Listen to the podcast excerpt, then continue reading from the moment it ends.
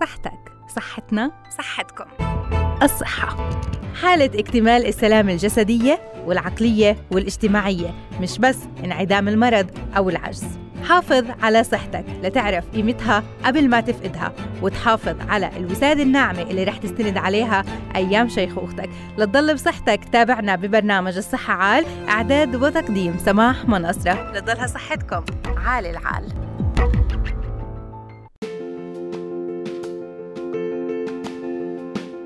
مواضيع كتير مناقشتها مع أهل الاختصاص. لتضلكم بخير وبعافية. تابعونا وساعة من الزمن بمواضيعنا المختلفة في برنامج الصحة عال إذا تكرر حدوث الصداع في الشهر لأكثر من 15 يوم لمدة بتتجاوز الأربع ساعات هاي الحالة تسمى الصداع المتكرر. تتعدد أسبابها ما بين العوامل النفسية الاضطرابات والأصوات المزعجة. بيعيق الصداع المتكرر الحياة الشخصية للأشخاص اللي بيعانوا منه شو هي أسباب حدوثه الأخرى بالإضافة للطرق العلاجية وهل يمكن التعايش مع الصداع المتكرر؟ الإجابة مع الطبيب المختص.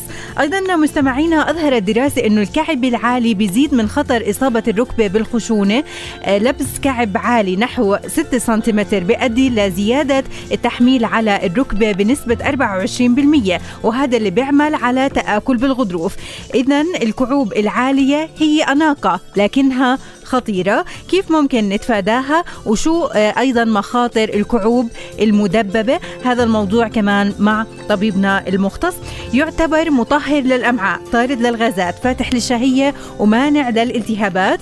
كنوز غذائية موجودة في العكوب. اليوم بدنا نحكي عن الفوائد العلاجية الأخرى بالإضافة لطرق تحضيره. وهو منتشر ممكن بالشمال أكثر. كانوا أجدادنا قديما كمان آه، يطبخوه بشكل مكثف. ممكن هلأ آه، صار في ابتعاد عنه نوعا ما لكن بدنا نرجع للعكوب للفوائد الغذائية الموجودة فيه. مستحضرات تجميل العيون الكحل والايلاينر والماسكارا تأثيرها على صحة العين. كيف ممكن نتأكد من خلوها من المواد السامة؟ أيضا رح يكون معنا الطبيب المختص هندسة إذاعية وإخراج إذاعي معاذ كوانين يسعد أوقاتك. التنسيق والتنفيذ على الهواء مباشرة مالك صنقر وطحافة تلاحمي يسعد أوقاتكم. ومتابعة البرامج لمرام سالم. ومساعداتي في البرنامج رينات وخديجة خديجة يسعد أوقاتكم بكل الخير. من هلأ بنبدأ الصحة عال معي سماح مناصرة. يسعد أوقاتكم. بيحدث الصداع بشكل متكرر عند البعض لدرجة إنهم بتعايشوا مع هذا الوجع. يعني خلص بيعتبروه إنه شيء يومي لازم يعانوا منه. بيكون في فترة له ممكن تتجاوز الأربع ساعات لكن في ألم شديد ممكن يتكرر. لما بنحكي عن صداع آه، خلال الشهر بتكرر أكثر من 15 مرة لمدة ممكن تزيد عن الأربع ساعات. هاي الحالة تستوجب إنه نتوقف عندها لحتى نعرف أكثر عن أسباب الصداع المتكرر العلاجات والأسباب اللي بتأدي لهاي آه، الحالة والطرق الوقائية. رح نحكي بهذا الموضوع أكثر مع الدكتور عماد تلاحمة أخصائي الأعصاب والدماغ والعمود الفقري. رح ينضم لنا ويحكي لنا أكثر عن هاي الحالة وأيضا الأسباب اللي ممكن تكون موجودة بأسباب وراثية أو ممكن إنها تكون لدرجة من الاضطرابات النفسية أو الاضطرابات السلوكية أو حتى ممكن بعض الأصوات المزعجة اللي بتعرض لها الأشخاص نتيجة عملهم. في أماكن ممكن إنه يسمعوا فيها أصوات عالية بشكل كتير كبير يعني للي بيشتغلوا في المحاجر مثلا آه، في مناشير الحجر آه، في بعض الأماكن أيضا اللي فيها أصوات مرتفعة. هذا بيؤدي لانهم يصابوا بالصداع بشكل يومي لأنه عملهم بشكل يومي فالصداع رح يكون بشكل يومي. لكن إنه يتكرر هذا الصداع حتى باوقات ممكن ما يداوموا فيها هذا الموضوع رح نعرف تفاصيله أكثر مع الدكتور عماد تلاحمة آه، استشاري جراحة الأعصاب والدماغ والعمود الفقري. أهلا وسهلا فيك دكتور يسعد أوقاتك. يا هلا بك حياك الله وسهلا أهلا وسهلا بحضرتك. بداية خلينا خلينا نوضح شو المقصود بالصداع المتكرر. يعني إحنا بنعرف إنه الصداع وجع بالرأس ممكن إنه يحدث لفترة خلال اليوم وسرعان ما يختفي مجرد ممكن ما نبتعد عن السبب أو حتى ناخذ المسكنات. لكن الصداع لما يتكرر لأكثر من مرة شو بكون المعنى وأيضا الأسباب؟ أول شيء الصداع هو عبارة عن ألم يعتري يعني فروة الرأس أو على الرأس أو جزء من الرأس. أي جزء من الرأس ممكن يصيبه ألم يعني آه، بشكل نصفي أو كلي آه، بضل بنسميه آه، صداع وهو يعبر عن ألم. الم ممكن يصاحبه أعراض ثانية ندخل في تفصيلها طبعا الصداع يوم إحنا نسميه متكرر معناته بخوفناش. هو سيء هو عاطل هو مش كويس بس الصداع اللي بيجي مرة واحدة شديد جدا. بيصطحبوا أحيانا تقيؤ بيصطحبوا أحيانا خلل في تركيز الشخص. هذا اللي بخوفنا. لأنه ممكن يكون سببه نزيف دماغي. الصداع المتواصل بيبدأ وبيزيد مع الزمن شوي شوي. هذا ممكن يكون سببه ورم دماغي. ماشي الحال. الصداع اللي بيجي بقعد أسبوع أسبوعين بنقطعش بالمرة. ممكن يكون أهون. ممكن يكون سببه جيوب أنفية أو التهابات. في المناطق اللي هي بتغذي الجسم بالهواء اللي هي الجيوب سواء كانت تحت الدماغ أو في أطراف الأنف أو ما شابه. الآن الصداع يوم يكون متكرر معناته الصداع بخوفش لأنه بيروح وبيجي معناته له سبب، الصداع المتكرر عدة أنواع ممكن يكون الشقيقة جزء منه شقيقة نوعين طبعا ولكن الشقيقة جزء منه ممكن يكون الصداع العنقودي وهو الأصعب وهو الأقوى والأشد يعني لأنه بيجي كزلزال للرأس. والصداع اللي سببه اللي بنسميه تنسيفيديك صداع اللي هي الضغط النفسي أو أو ضغط العمل أو ما شابه. لكن إنه يعني غير مخيف إنه بيروح وبيرجع هذا شيء ممكن مطمئن لكثير من الأشخاص لكنه إنه يضله مستمر؟ هذا اللي بخوف صح؟ بالضبط. الآن إذا عودة الصداع متكرر وبشد هنا بيعيق حياة الإنسان وخلى حياته جحيم. في ناس تجيها نوبة الصداع مرة بالسنة في موسم معين وبتروح. طبعا يعني وبكون له أسباب يعني كثير من الناس سبب صداعه أكل بعض المأكولات، شرب بعض المشروبات، التدخين، الأرق المستمر عدم النوم، طبيعة الشغل المتواصل، الشغل ضمن بيئة فيها أصوات عالية وما شابه، الشغل ضمن بيئة فيها أضواء عالية جدا. وما شابه، يعني هاي الأمور كلها بتكون أحد الأسباب، وإحنا بنميز الصداع بسهولة. إذا كان المريض أنا عيني بتدمع أو شايف كأنه في ومضات ضوء في في الجو. آه يعني ممكن إنه يكون فعلا جهة كاملة بتوجعه. يعني إذا كان الصداع مثلا في آه. الجهة اليمين الدان اليمين والعين اليمين والخد اليمين كمان بصير يوجع. آه بالضبط. ممكن نقول نعتبرها عبارة عن مثلا شقيقة. وبنقول مثلا المريض مثلا ضوء بضرك آه الضوء بزيد هذا أوه. الصوت بضرك آه الصوت بزيدها. آه فهون يعني بنميز إنه من الأعراض انها شقيقة أو مش فالاعراض مهمة جدا للتمييز لذلك إحنا بننصح المرضى اللي عندهم آه صداع متكرر يكتبوا متى جاهم الصداع وكيف راح منهم الصداع وأي ساعة باليوم وأي ساعة انتهى وشو أخذوا قبل الصداع من من أطعمة وما شابه.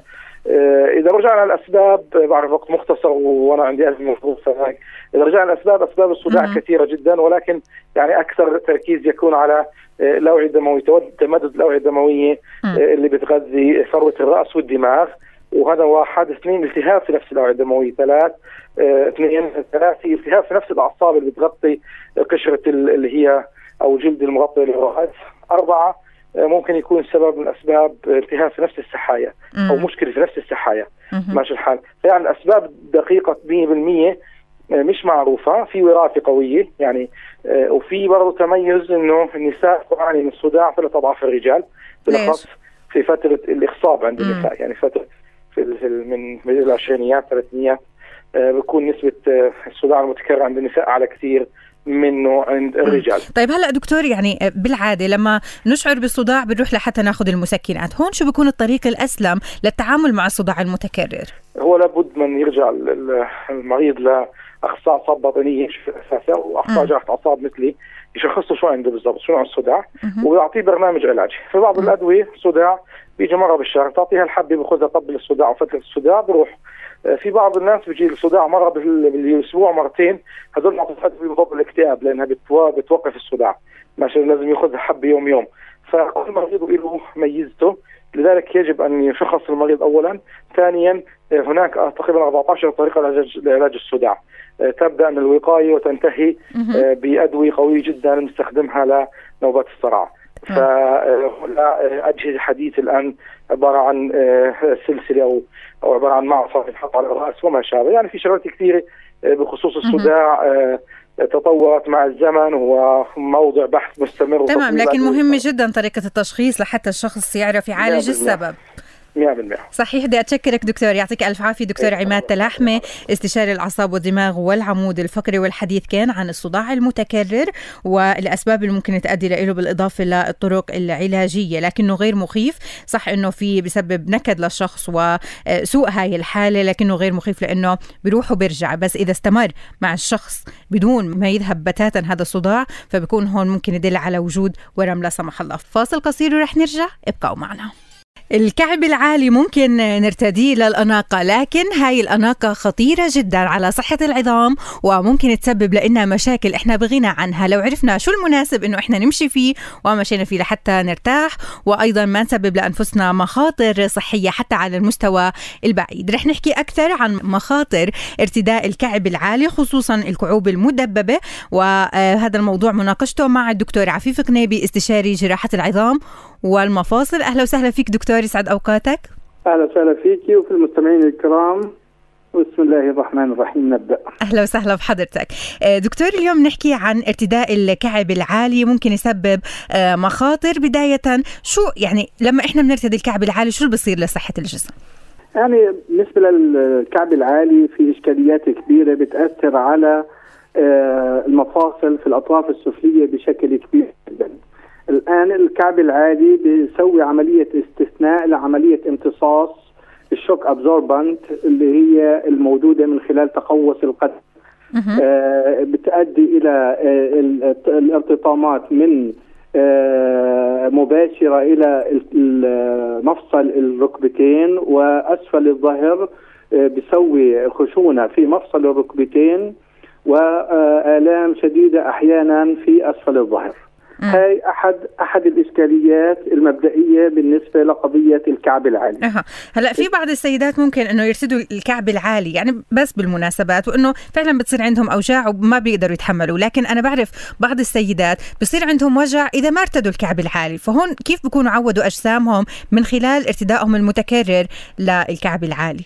هاي إشكالية ثانية وأحد الأسباب برضه اللي إحنا بنحاول إن ننصح إنه عدم ارتداء الكعب العالي م. اللي بيرتدوا الكعب العالي على فترات طويلة جدا بيصير عندهم عملية قصر في أحد الأوتار الرئيسية في في الساقين أكيلس تندون اللي هو الوتر العريض الأكيدي بيسوي قصر في هذا الوتر وفي حال عدم أو الاستغناء عن الكعب العالي بصير عندنا ألم شديد في الكاحل مع صعوبة في المشي من الناتج عن ارتداء هذا الكعب العالي. وبحاجة إلى عمليات علاجية ومتابعه شديدة من قبل أخصائي العظام بالإضافة لعلاج طبيعي فيزيائي لإعادة تطويل هذا الوتر وإعادة حيويته وليونته حتى تستطيع هذه المرأة أو هذه الأخت إنها تلبس الأحذية الصحية الطبيعية من غير ما يكون في أي إشكاليات في هذا الوتر. طيب كمان دكتور يعني الكعوب العالي كمان صارت أنواع. في الكعوب العاليه المدببة وفي الكعوب العاليه أيضا المستويه، بنحكي عن نفس المخاطر للصنفين ولا لا؟ الآن عندنا إحنا إشكالية في قضية اللي هي المدببة. لما تكون مدببة بتصير في عندنا هنا خطورة آه لا آه أن الاجر تصير فيها إصابات والتواءات في الكاحل بشكل كبير في عدم توازن في القدم بصير الارتكاز الكلي كلياته على أطراف الأصابع بصير عندنا تليفات قدمية callosities موجودة في آه أطراف القدمين في الأصابع بصير عندنا انحراف في الأصبع الكبير انحراف خارجي hallux valgus بنسميه حتى إنه يسوي عدم اتزان القدم الحذاء المدبب برضه من من من من من عند الأصابع بيسوي لنا عملية دخول أو بنسميه الأظفر الناشب أو ingrowing toenail بيسوي التهابات شديدة متكررة أحيانا تستدعي تدخلات جراحية تشويهات لهذا الأظفر. أيضا بصير عندنا عملية بناء تليفات جلدية على المناطق المرتكزة في أسفل القدم من منطقة من جهة الأصابع. بنتج عنها آلام شديدة مستمرة مع خشونة في المنطقة اللي أنا ذكرتها. طيب هلا يعني لحتى نتعامل صح مع الحذاء اللي إحنا بدنا نرتديه شو أنواع الأحذية اللي لازم إنه نرتديها خصوصا للأشخاص اللي ممكن يعني بيعملوا بشكل يومي وأكثر عملهم كمان وهم واقفين؟ شو أنواع الأحذية المناسبة لهم يعني إحنا بدناش نكون سلبيين يعني صحيح إنه الأحذية العالية من ناحية جمالية للمرأة وإنها أحيانا كثير بتضطر إنها تلبسها. لو كانت لفترات محدودة مع التركيز على قضية إن لبس الأحذية الطبية بشكل أو بآخر اللي هي الأحذية اللي من غير أي heel يكون لها وبالإضافة يكون لها تقوس high medial arch بمعنى إنه يكون في عندنا عملية حذاء طبي يستطيع إنه يعبي الفراغ الداخلي بتقوس القدم الداخلي. هذا بيساعد المرأة بشكل بعيد الأمد وطويل الأمد وبيحميها من خشونة مفاصل الساقين أو من آلام شديدة أسفل الظهر. تمام. كمان السيدات اللي اعتادوا على ارتداء الكعب العالي هؤلاء يذهبوا للطبيب المختص لحتى يشخصوا حالتهم بالتحديد لأنه استمرارهم بارتداء الكعب العالي على المدى البعيد ممكن يكون خطورة لهم هذا أكيد. هذا ممكن إنه يعرضها لإشكاليات زي ما اتفقنا في مناطق مفاصل الركبتين في مناطق أسفل الظهر بالإضافة اللي هو الاكيلا التندون بسوي التهاب شديد حتى إنها تتخلص من الإدمان اللي حدث عندها من لبس الحذاء العالي من خلال معالجه المعالجة الفيزيائية والمعالجة الدوائية لإعادة تطويل الوتر الذي قصر اللي تم تقصيره أو تم إنه قصر فيه بسبب الفترات الطويلة لبس الحذاء العالي. يعني هون ممكن كمان الكعب العالي لما بنحكي بعض الكعوب العالي ممكن تزيد عن 6 سنتيمتر، يعني ممكن كل ما ارتفع الكعب بتكون خطورته أكثر ولا الكعب العالي ممكن كله خطير؟ والله أنا بعتبر إنه كل الكعب العالي إنه له تأثيراته السلبية لكن كل ما زاد الطول كل ما كانت التأثيرات السلبية أكبر خاصة لما يكون عندنا الكعوب العالية جدا بتسوي عملية أيضا سقوط الوزن أو الحوض دفع الحوض إلى المنطقة الأمامية مع عدم توازن في اللي هي الإسقاط العمودي بشكل أو بآخر لوزن الإنسان فبيسوي عملية انزلاقات غضروفية وأحيانا بتستدعي الامر تدخلات جراحية. بدي أتشكرك دكتور شكرا لكل هاي المعلومات لكل الصبايا اللي بيسمعونا والستات الكبار كمان ما ترتدوا الكعب العالي لأنه مخاطر أكثر من الأشياء اللي ممكن تحصل عليها لأنه بدك تزيدي أناقتك.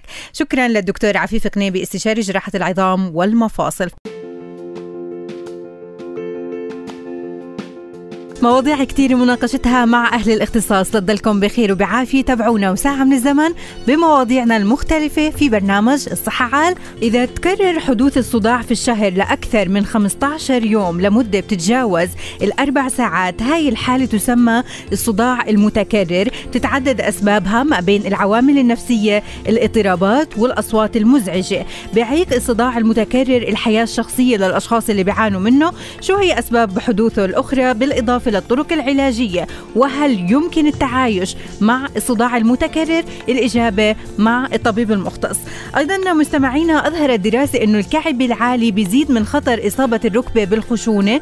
لبس كعب عالي نحو 6 سنتيمتر بيؤدي لزيادة التحميل على الركبة بنسبة 24% وهذا اللي بيعمل على تآكل بالغضروف.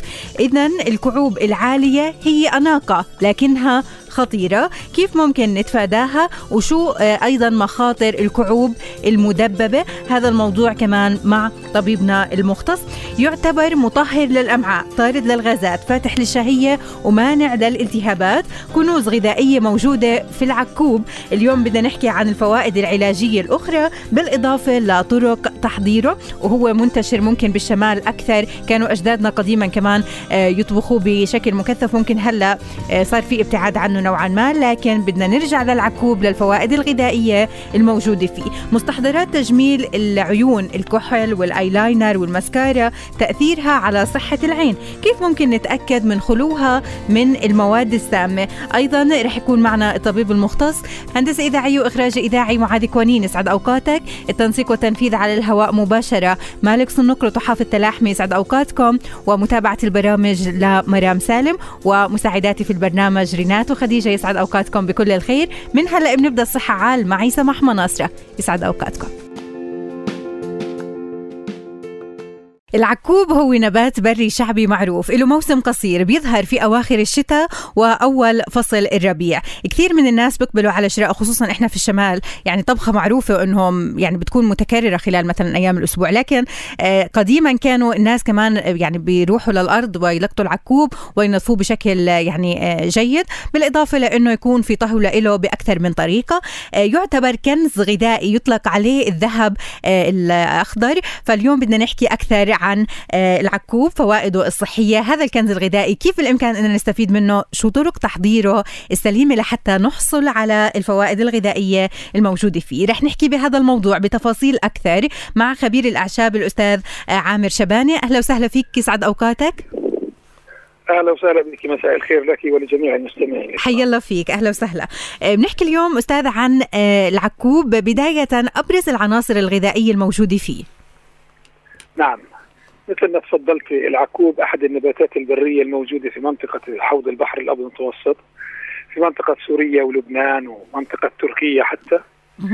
آه مثل ما تفضلت هذا موسمه يعني والفترة اللي بضل فيها مش هذيك الفترة الطويله آه العكوب غني جدا بالأملاح المعدنية وخاصة ملح البوتاسيوم وملح المغنيسيوم كما إنه غني بالعديد من أنواع الفيتامينات وخاصة م. فيتامين الف بالإضافة إلى إنه غني بالكلوروفيل أو اليخضور وكل هاي المواد بتعمل على مضادات الأكسدة وتنقية الجسم وتنقية الدم وتنظيف الجسم بشكل عام. يعني نحن المواد اللي فيها كلوروفيل والغنية بفيتامين الف بنسميها anti oxidant أو مضادات الأكسدة. اللي بتعمل على تنقية الدم وتنظيف الجسم من كل السموم والشوائب إن صح التعبير يعني. مم. يعني إحنا هون بنحكي عن عن نبات غذائي إحنا مش بحاجة آه، في بعض الأحيان للأدوية إحنا بحاجة بس لحتى نعرف شو ناكل لحتى نتخلص من أنواع آه، كثيرة من الأمراض والأعراض اللي بتظهر علينا. هلأ بالنسبة للعكوب آه، العناصر الغذائية الموجودة فيه ممكن إنه يعني أجدادنا قديما كانوا يطبخوه بشكل مستمر لكن هلأ في نوعا ما ابتعاد عن طهي العكوب بشكل دائم. فكيف نحصل على العكوب وشو أهمية إنه إحنا نتناول نتناوله ووين نبحث عنه؟ نعم أول شيء العكوب بمل الأراضي م. يعني هو اسمه نبات بالنسبة العلمي له النبات الملك سيسل أو شوكة الحليب م. طبعا شوكة الحليب هذا بتلاقيه بالأراضي وبيتميز إنه له زهرة بنفسجية اللون م. طبعا هو نبات شوكي وأوراقه بتكون عاملة بتكون لونها أخضر زي اللي مرشوش عليها حليب من هون اجت التسمية الملك فسل أو شوكة الحليب م. آه العكوب غني جدا بمادة السيليمارين وهي مادة طبية معروفة جدا وهي مرممة لنسيج الكبد. لذلك العكوب من أروع النباتات اللي ممكن يتناولها مريض الكبد. الأشخاص مم. اللي عندهم التهاب في الكبد سواء كان التهاب فيروسي زي ال hepatitis A وال hepatitis B وال hepatitis C وخاصة الحالات المزمنة.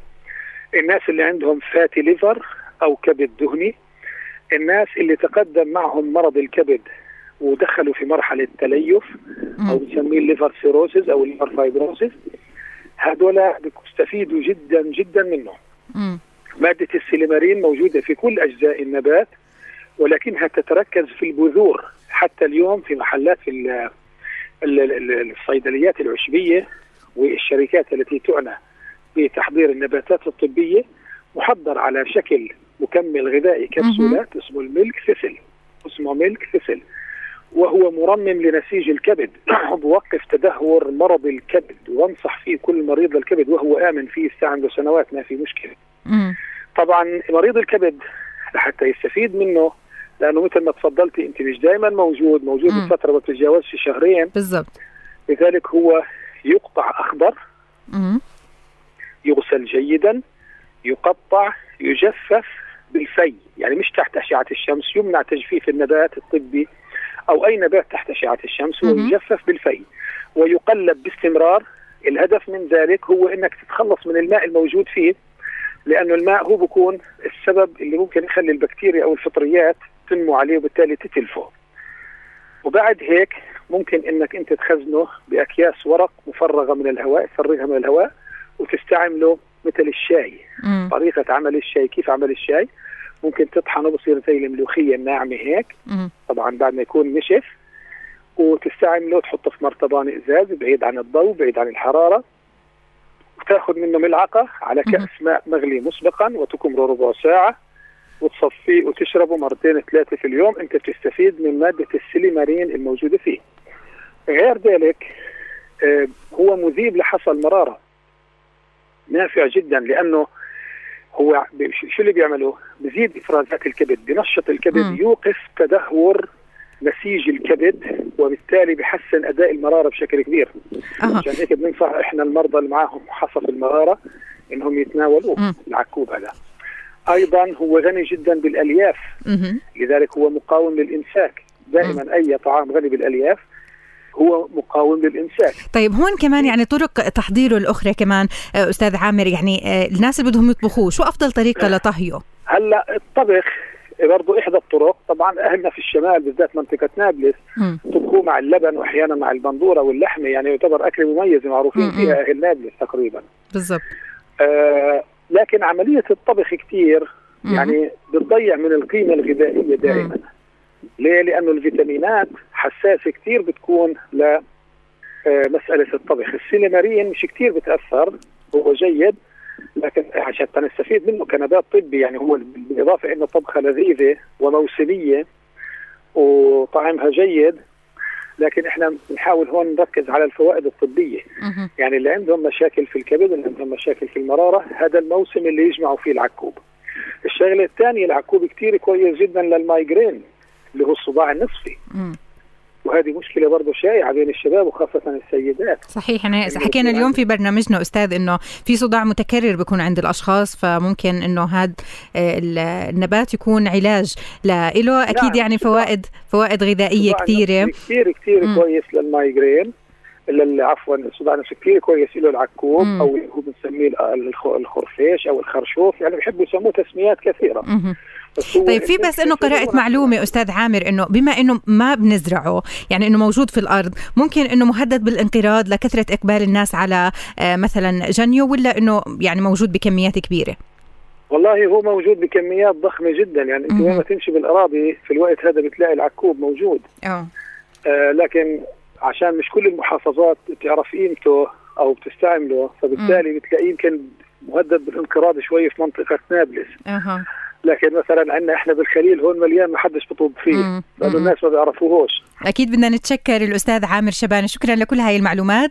فوائد غذائية كثيرة موجودة في العكوب مش موجودة في أصناف غذائية آه، موجود في الأرض. لقطوا العكوب ونظفوه منيح وجففوه بالإمكان لحتى تحصلوا على الفوائد الغذائية الموجودة فيه وطريقة طهيه بشرط إنه ما تكون يعني لمدة طويلة لحتى كمان العناصر الغذائية نأخذها. خليكم معنا. رح نعرف متابعينا أكثر عن فوائد العكوب وأبرز العناصر الغذائية الموجودة فيه ورح نحكي كمان عن كحل العين مكوناته ومضاره فكونوا معنا العافية والخير للجميع.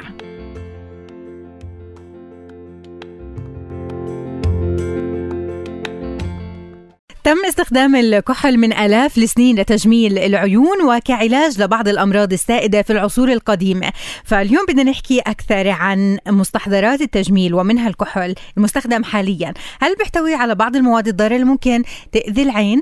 آه، كيف ممكن نتأكد من خلو مستحضرات التجميل اللي بنستخدمها للعين؟ المسكارا والأيلاينر والكحل وغيره من آه، المواد السامة. لازم تكون خالية من المواد السامة لحتى ما تأثر على صحة عيوننا لأنه إحنا ممكن نستخدم هاي هاي المواد بشكل يومي. رح نحكي أكثر بهذا الموضوع مع الدكتور مصباح أكرم مصباح البربراوي اختصاصي طب وجراحة العيون وتصحيح ضعف النظر بالليزك. أهلا وسهلا فيك دكتور. آه، يسعد أوقاتك. الله يسلمك يا رب. تمام. تحياتي لك ولجميع المستمعين. أهلا وسهلا بحضرتك.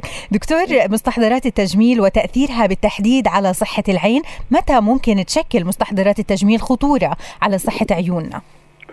يعني بالنسبة لمستحضرات التجميل آه، كأطباء عيون قدر الإمكان بنفضل الابتعاد عنها لأنه آه، ممكن كثير تعمل مشاكل بالعين بالقرنية بترطيب العين. فالمنطقة اللي بتنحط عليها المستحضرات سواء الأيلاينر أو الكحلة في مجموعة من الغدد اللي بترطب العين بتفرز دهن بشكل طبيعي لترطيب العين خلال اليوم. هاي المستحضرات ممكن تؤدي إلى انغلاق في فوهات هاي الغدد ممكن تؤدي إلى اضطراب في آه، إفراز المواد الدهنيه الضرورية لترطيب العين. فايضا ممكن تؤدي كثير مستحضرات ممكن تؤدي للحساسيه وال والاضطرابات الأرجية في في منطقة العين. ممكن تؤدي كمان إلى أمراض يعني خطيرة ممكن تؤدي إلى بكتيريا ممكن تؤدي إلى الإصابة بفيروسات تؤدي لاصابه القرنيه. طيب هون يعني ممكن مواد بتستخدم منها مستحضرات التجميل، هاي المواد هي اللي بتأذي العين، يعني إذا مثلا تأكدنا من خلو مستحضرات التجميل من بعض المواد السامة، بإمكاننا إن نستخدمها عادي ما في مشكلة؟ يعني هو استخدامها شائع إيه، نقول إنه قدر الإمكان الابتعاد عنها بس هذا يعني على أرض الواقع شوي صعب لكن بالزبط. بالإمكان يعني اختيار مثلا مواد إيه، مصنوعة بشكل جيد عليها رقابة لأنه في بعض المستحضرات ممكن يكون أكيد فيها مواد سامة فيها كربون مثلا إيه، فيها ممكن تكون ملوثة نفس المادة الموجودة فيها بالعبوة عبوة المكياج ممكن تكون ملوثة بالجراثيم بالبكتيريا أو بالفيروسات وممكن تؤدي إلى التهابات. آه، فهذا يعني بدنا قدر الإمكان آه، يعني التأكد من من جودة المنتج اللي بنحط لأنها منطقة كثير حساسة يعني وممكن تدخل للعين يعني في أغلب الحالات. فبدنا نتأكد من اولا الجودة جودة المادة الموجودة بالمكياج خلوها من الجراثيم تكون معقمة مثلا بالإضافة إلى إنه ممكن يعني آه، ما نخليها تطول بشكل كثير بالضبط يعني هذا اللي كنت بدي أسأله دكتور طريقة تنظيف العين بعد استخدام مواد التجميل شو أهميته؟ لأنه في بعض السيدات ممكن بيستخدموا ما معهم وقت إنهم ينظفوا العين فبيروحوا بيناموا ثاني يوم بيصحوا بحطوا من أول وجديد. هذا يعني نوعا ما إلى حد ما خطير بنعتبره لأنه يعني في هذا زي ما حكيت بالمقدمة إنه الغدد اللي بتفرز المواد الدهنية للترطيب غدد فوهاتها دقيقة جدا. هلأ إذا ظل مثلا المكياج لفترة طويلة ممكن يؤدي إلى إغلاق هذه الغدد ممكن يؤدي إلى التهابها أيضا هو الأخطر من يعني في حاله سكرت فوهات الغدد ممكن تؤدي إلى التهاب في الغدد. الالتهاب ممكن ينتقل لداخل العين اللي هو لسطح العين للقرنية وممكن تؤدي لامراض خطيرة. فبالتالي ضروري جدا يعني بآخر النهار أو بعد ست ساعات أو خمس ساعات تقريبا تنظيف بمحارم خاصة في محارم إيه، إيه، يعني مخصصة طبية طبعا لإزالة هاي المنطقة. تنظيف الرموش والخط اللي وراء الرموش مباشرة. يجب أن ينظف بشكل جيد حتى إيه، نسمح للغدد بإفرازها الطبيعي للمواد الزيتية والدهنية الضرورية لترطيب العين. وما ما تتراكم عندنا وندخل بموضوع الالتهابات والبكتيريا اللي ممكن تكون آه، تؤدي لنتائج خطيرة. في يعني بعض السيدات بيسألوا عن الكحل الطبيعي اللي بيتم استخدامه أيضا، هل ممكن أيضا يأذي العين؟ ولا إنه بما إنه من مكونات طبيعية ممكن يكون الأسلم آه، في استخدامه؟ لا ما يعني إحنا كأطباء عيون ما بننصح فيه ابدا لأنه طريقة تحضيره أكيد مش يعني ما بتكون آه، سليمة ما بتكون ما بنعرف شو المواد اللي بتكون فيه. هي عبارة عن كربون والكربون معروف يعني بأثاره السلبية على الجسم أثاره الكثير سلبيه ممكن تؤدي إلى سرطانات حتى فالشيء الأسود أو الكربون ننصح دائما بالابتعاد عنه. فممكن يعني إيه نستعمل مواد ذات جودة معروفة ذات ماركة معروفة. يعني بعرف بعض السيدات دكتور إنهم كانوا يستخدموه زمان كعلاج أيضا ويحطوه مثلا للأولاد الصغار في بعض الأحيان لا هذا ما بننصح فيه ابدا مم. اطلاقا يعني اطلاقا اطلاقا ما في شيء اسمه علاج بالكحول أو بال بهالمساحيق هاي لأنه هي كلها مواد نعتبرها مواد سامة وغير ضرورية يعني ما مم. ما في لها أي أثار العلاج إذا كان عندنا التهاب بدنا نعالجه بمضاد حيوي إذا كان عندنا حساسية بدنا نعالجها بمضادات حساسيه إذا كان عندنا انسداد بمجرى الدم عند الأطفال بيكون بدمع مثلا أو هذا بيكون انسداد. فالكحول يمكن بالعكس بزيد المشكلة. إذا كان انسداد بمجرى الدمع لدى الأطفال المولودين حديثا ممكن إذا حطينا الكحول أو المواد السامه هاي آه، ممكن تؤدي لنتائج بالعكس آه، عكسية يعني. ويزيد الموضوع خطر. فأي طفل أو أي هذا قديما يمكن كان موجود زي ما حكيت حضرتك. كانوا يعالجوا فيه الرمد الربيعي كمان. بالعكس يمكن بيزيد الرمد الربيعي لأنه الرمد الربيعي هو حساسية من الغبار من مم. الجو من النوار بهالفترة هاي فإحنا إذا جينا حطينا على العين كمان مواد آه، غريبة بنسميها أو مواد من خارج الجسم ممكن تؤدي إلى مم. آه، زيادة الحساسية وزيادة فكلها يعني آه، علاج شعبي متعارف ما كان متوفر يمكن لديهم العلاج فكانوا يلجأوا لهالمسألة فبس كأطباء لا ما بننصح يعني العين بالنسبة لنا آه، مهمة جدا القرنيه ترطيب العين حساسية. فما بننصح ب يعني بهالمنطقة هاي ما نحط عليها ولا شيء يعني. تمام. فقدر الإمكان نبتعد عن المواد هاي.